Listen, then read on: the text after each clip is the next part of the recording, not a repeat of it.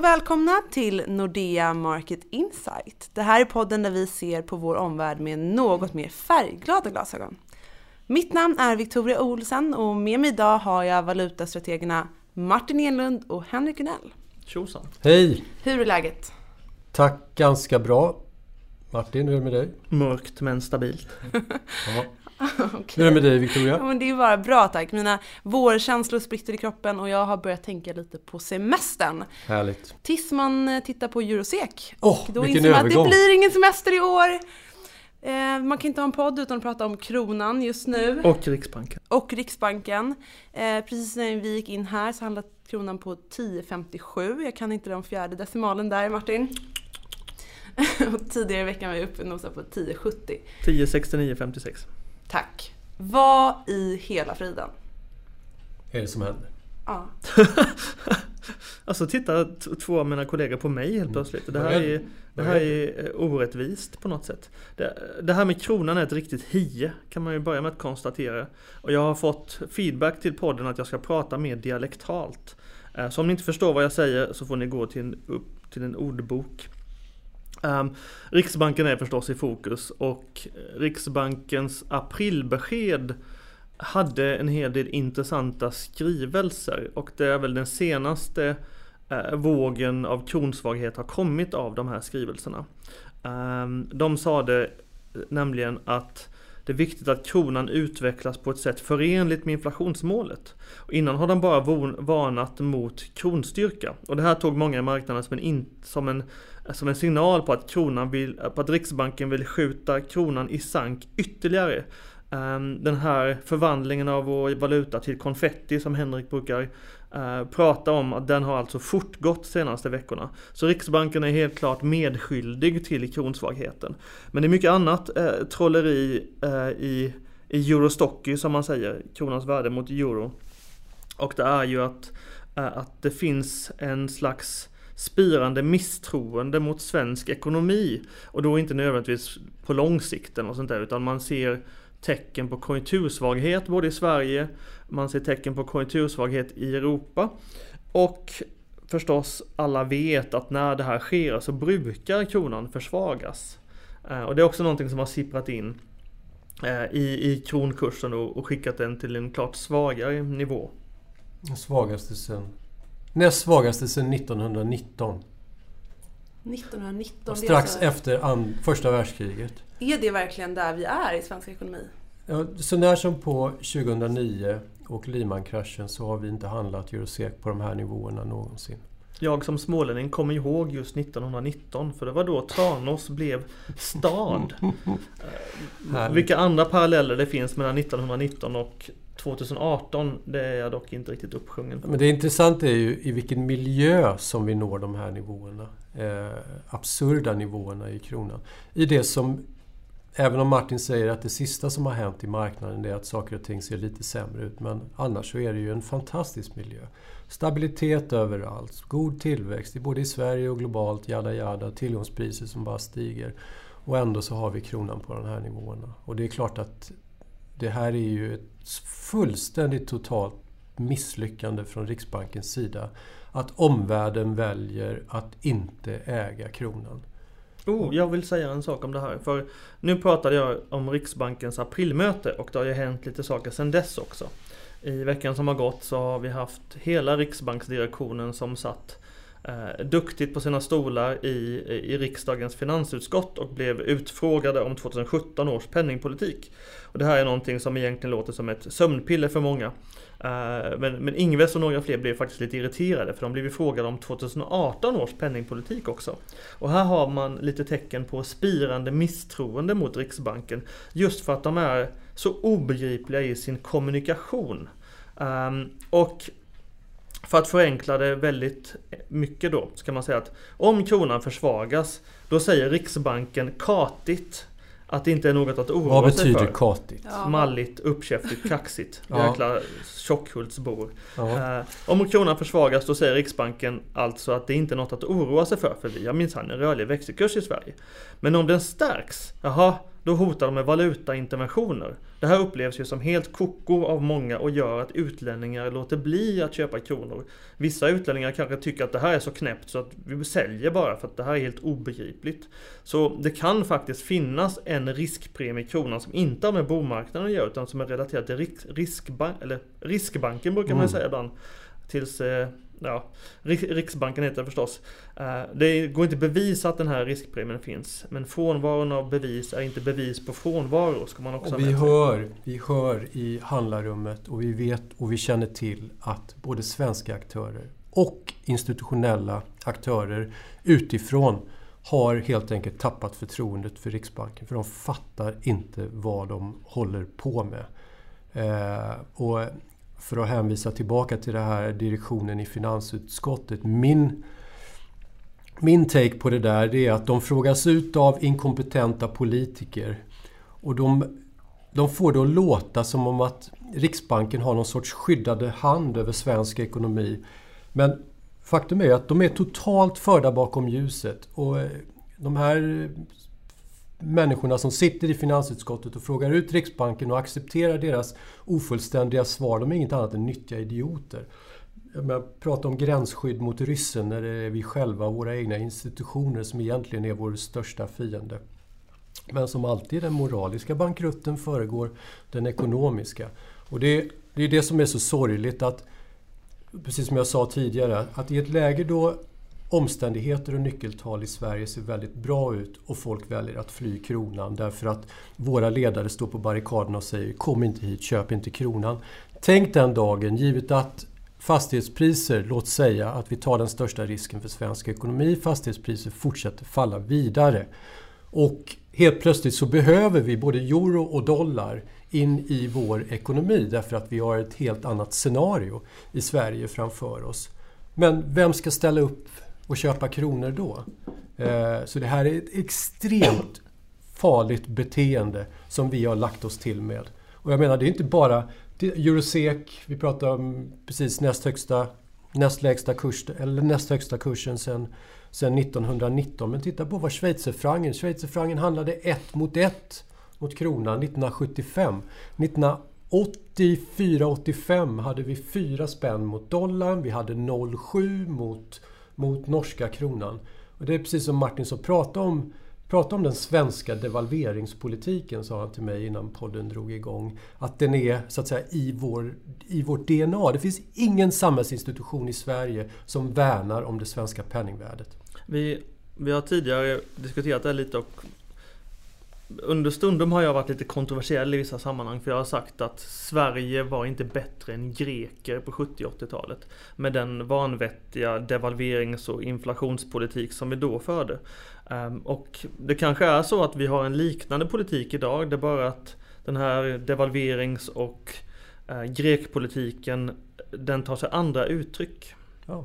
Det är väl egentligen det Henrik säger. Men kan det inte finnas någon typ av smärtgräns där antingen Riksbanken eller liksom till och med regeringen går in och säger så okej okay, hörni, vi vill inte ha en krona som, eh, som överstiger 13 eller 14 eller 20 kronor. Finns det inte någon typ av vändpunkt? Ser ni inte något sånt? En journalist pressade faktiskt Riksbankens eh, riksbankschef Ingves i presskonferensen nyligen om just det här. Finns det ingen smärtgräns? Eh, och så länge inflationstalen inte påverkas så sa ju Ingves att Eurostock, Eurosec på 13 det är inget problem. För vi har faktiskt inflationsmål och då måste vi acceptera en rörlig växelkurs.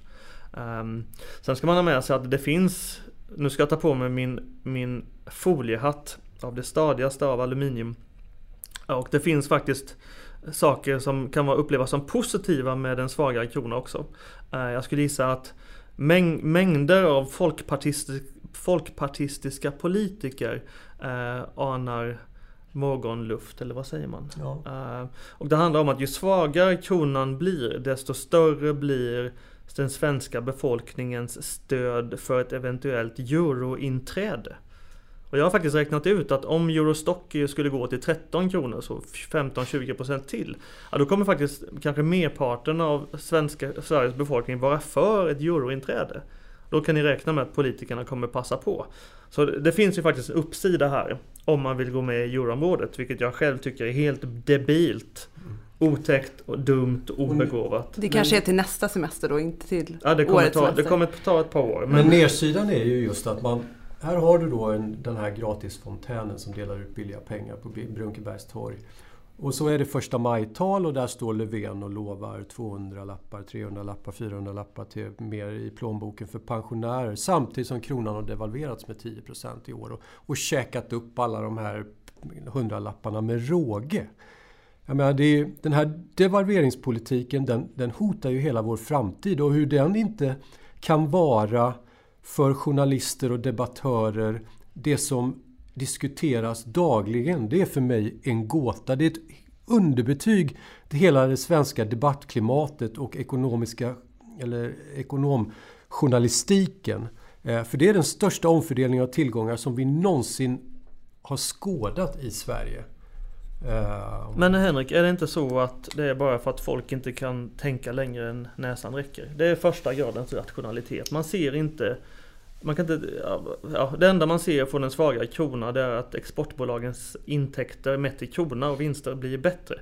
Alltså är allting fantastiskt. Och man tänker inte riktigt på de här långsiktiga den långsiktiga effekten på en ekonomi där kronan hela tiden tappas, man på ett eller annat sätt bailas ut av Riksbankens valuta och räntepolitik.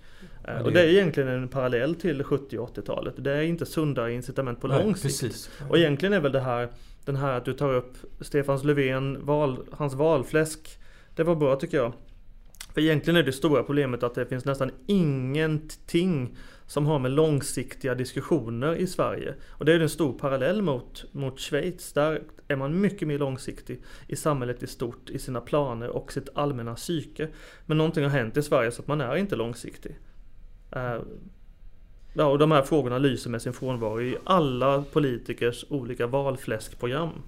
Men det är kritik mot Riksbanken och det är kritik kanske mot eh, eller någon typ av övergripande analys om att man inte längre har tilltro till svensk ekonomi. Kan det inte finnas någonting annat som driver kronan? Kan det inte finnas några andra faktorer som, som gör att, att kronan är så svag? Jo, alltså man ska ha med sig det att eh, det, det är ju mer volatilt på världens finansmarknader.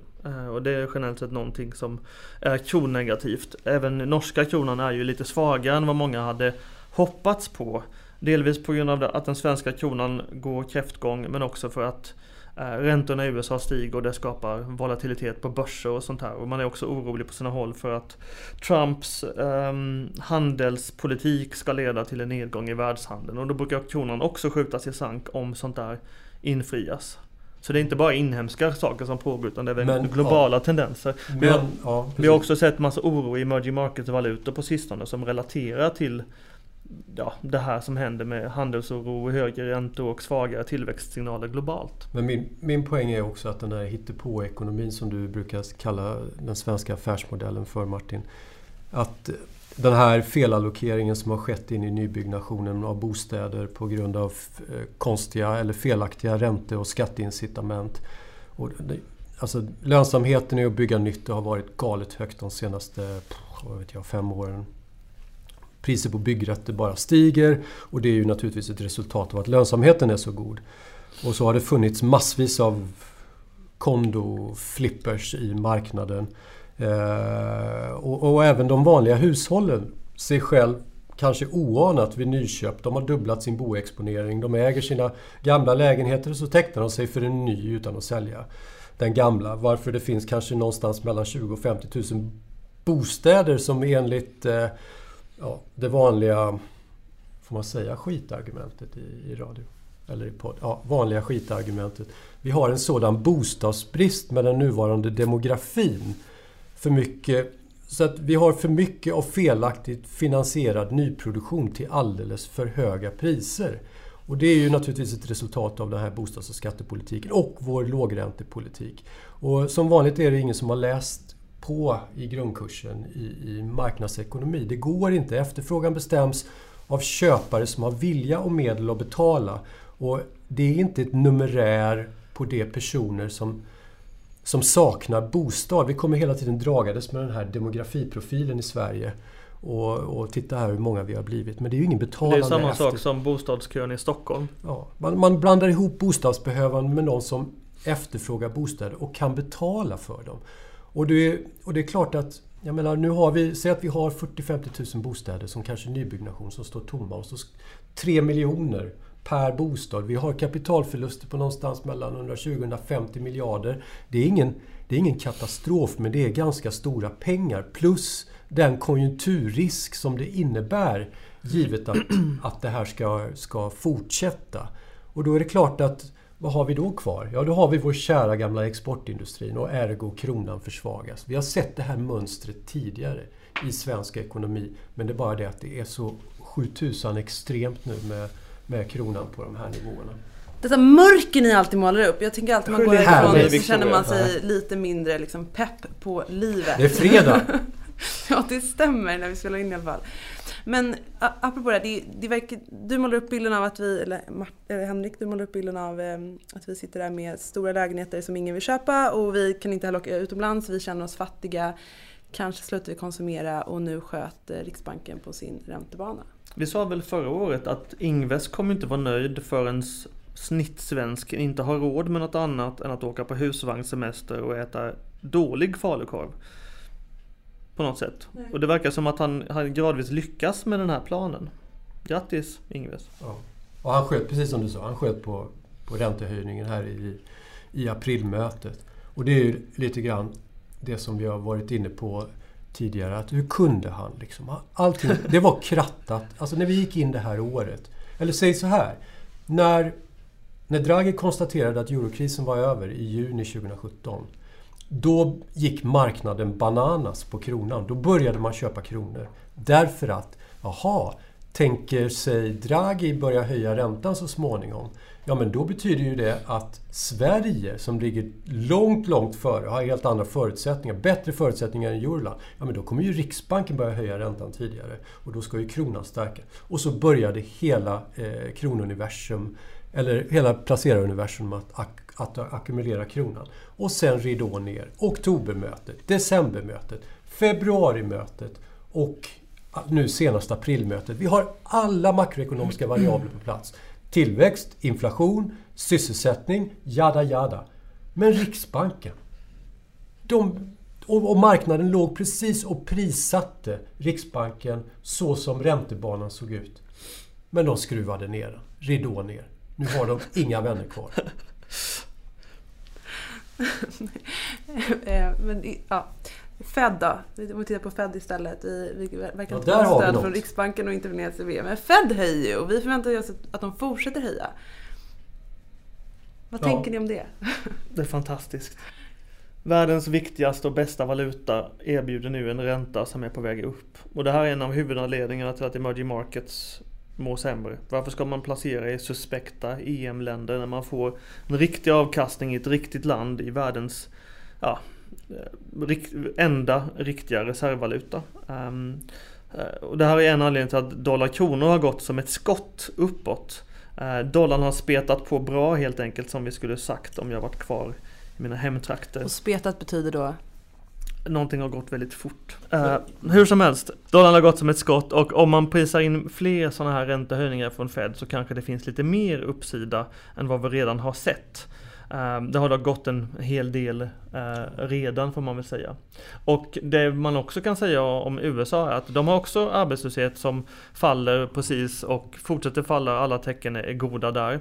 Sysselsättningen är full eller till och med högre än full sysselsättning. Inflationen också på målet. På många sätt kan man säga att USA och Sverige är väldigt lika. Ja, det... Förutom att Riksbanken har valt att strunta i alla goda tecken medan Fed har tänkt Ja men det här kan vi faktiskt agera på. Vi har lite mer ryggrad.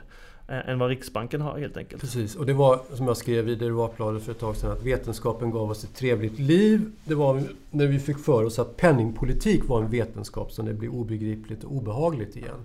Och det är just det som Martin säger. Hur kan man, när man har samma typ av, av ekonomi så som Sverige och USA är i dagsläget, där inflationen i Sverige är 2 den är 1,9 i, i i USA. Vi har samma löneökningstakter, vi har en starkare tillväxt sett över de senaste 18 åren. Vi har större kredittillväxt, vi har mer fastighetsinflation, vi har större bytesbalansöverskott. Och vi har 300 punkters skillnad på en svensk och en amerikansk kortränta. 3% skillnad. Det är därför som vi har den här svaga kronan. Mm, det kostar 3% per år att skydda sig mot i dollar SEK just nu. Så det kostar oerhört mycket för ett svenskt bolag att vara negativ till dollar. Och det är en anledning till att dollarn stärks. För då vill man inte vara, försöka vara negativ till dollarn. Och varför ställer ingen den frågan? Man sitter där i finansutskottet, någon smart politiker som kan göra den reflektionen att hur kommer det sig att penningpolitiken ser så olika ut beroende på var man tittar, vilken centralbank man analyserar? Kan det vara så att ni har missuppfattat någonting i Riksbanken? Vad händer om den skillnaden ökar, om den spreaden går isär? Ja, då ökar trycket på dollarn att stärkas eh, mot, mot kronan. Och det är väl dit vi är på väg. Så får vi se när det, när det tar emot eller när någonting dåligt händer. För marknaden börjar bli mogen för att någonting dåligt ska hända även i USA. Resten av världens statistik har varit rätt eh, ja, rätt rutten faktiskt. Svensk har varit bra, men norsk och europeisk statistik har varit riktigt kass. Eh, och det är någonting som också gyn relativt gynnat dollarn. För en sak som är jobbig med valutamarknaden är att man kan inte bara köpa eller sälja dollar, man måste samtidigt köpa eller sälja någonting annat. Så hela valutamarknaden är alltid ett relativt spel. En sak jag vill ta upp här mer, det är att en viktig sak skiljer ju Sverige från USA. Och det är att USA har Trump och Sverige har Löfven. Mm. Okay. Faktum är att Trump sa den 25 januari att dollarn den ska bara bli starkare och starkare. Hade man lyssnat på honom då så hade man tjänat typ 15% i dollar kronor. Han har en jättebra timing verkar det som. Men det är, ju det är en bjärt kontrast naturligtvis till vad han har sagt tidigare. Eller representanten för administrationen. Alltså. Ja men Trump för ett år sedan tyckte ja. att dollarn var för stark och nu tyckte han att ja, nu är den för svag. Så nu har han ju bytt fot, men det kan han ju ha gjort. Så Trumps fair value för dollarn är högre än vad vi har sett helt enkelt. Um, uh, och ska man nämna någonting mer om ljuspunkter i, i världen så får man säga att det går väldigt bra för Trump. Uh, för att vara en blind golfare så slog han väldigt många hole-in-ones. Oh, den var ja. ja men allvarligt. Det här kan man inte läsa om i Dagens Nyheter till exempel. Världen går fortfarande som tåget trots den här statistiken vi har sett. IS är förintade i Syrien. Det råder fred på Koreahalvön. USA-börsen har rusat. Arbetslösheten faller och faller. Det är klart att man får tilltro till den valutan när det går så här bra. Får vi se hur länge det, hur länge det håller i sig. Jag vet att ni tycker att Trump bara har tur. Men då säger jag som Ingmar Stenmark. Jag vet inget om tur, bara att ju mer tränar desto mer tur har jag. Är det inte så att Trump är fantastisk för amerikanerna? Och mm, för dollarn. Det ska vi ha en podd om sen. Eller hur Victoria? jag har liksom ingenting att säga. Kan vi arrangera det? Där fick ni något att suga på. Snabba svar på den. Nej, det finns inga snabba svar på den. Jag säger bara att jag har Kanye på min sida. ja, så dessa handelstullar och handelshinder, det oroar dig inte? Martin, det oroar dig inte att ekonomin kommer att ta stryk av det? Nej, jag, Gå tillbaka till 2016. Alla ekonomer är så oroliga för allting hela tiden och man målar fan på väggen. Men ingenting av det där har realiserats. Nej. Jag tror att om man tittar på eh, alltså geopolitik och det man kallar för internationella relationer och regimer och så vidare. Men om man ska vara, eh, och det är ju naturligtvis inte sant, men det finns ju de som hävdar att just sådana här geopolitiska hotspots, det har inte påverkat marknaden sedan Yom Kippur-kriget 1973 eller vad det nu var.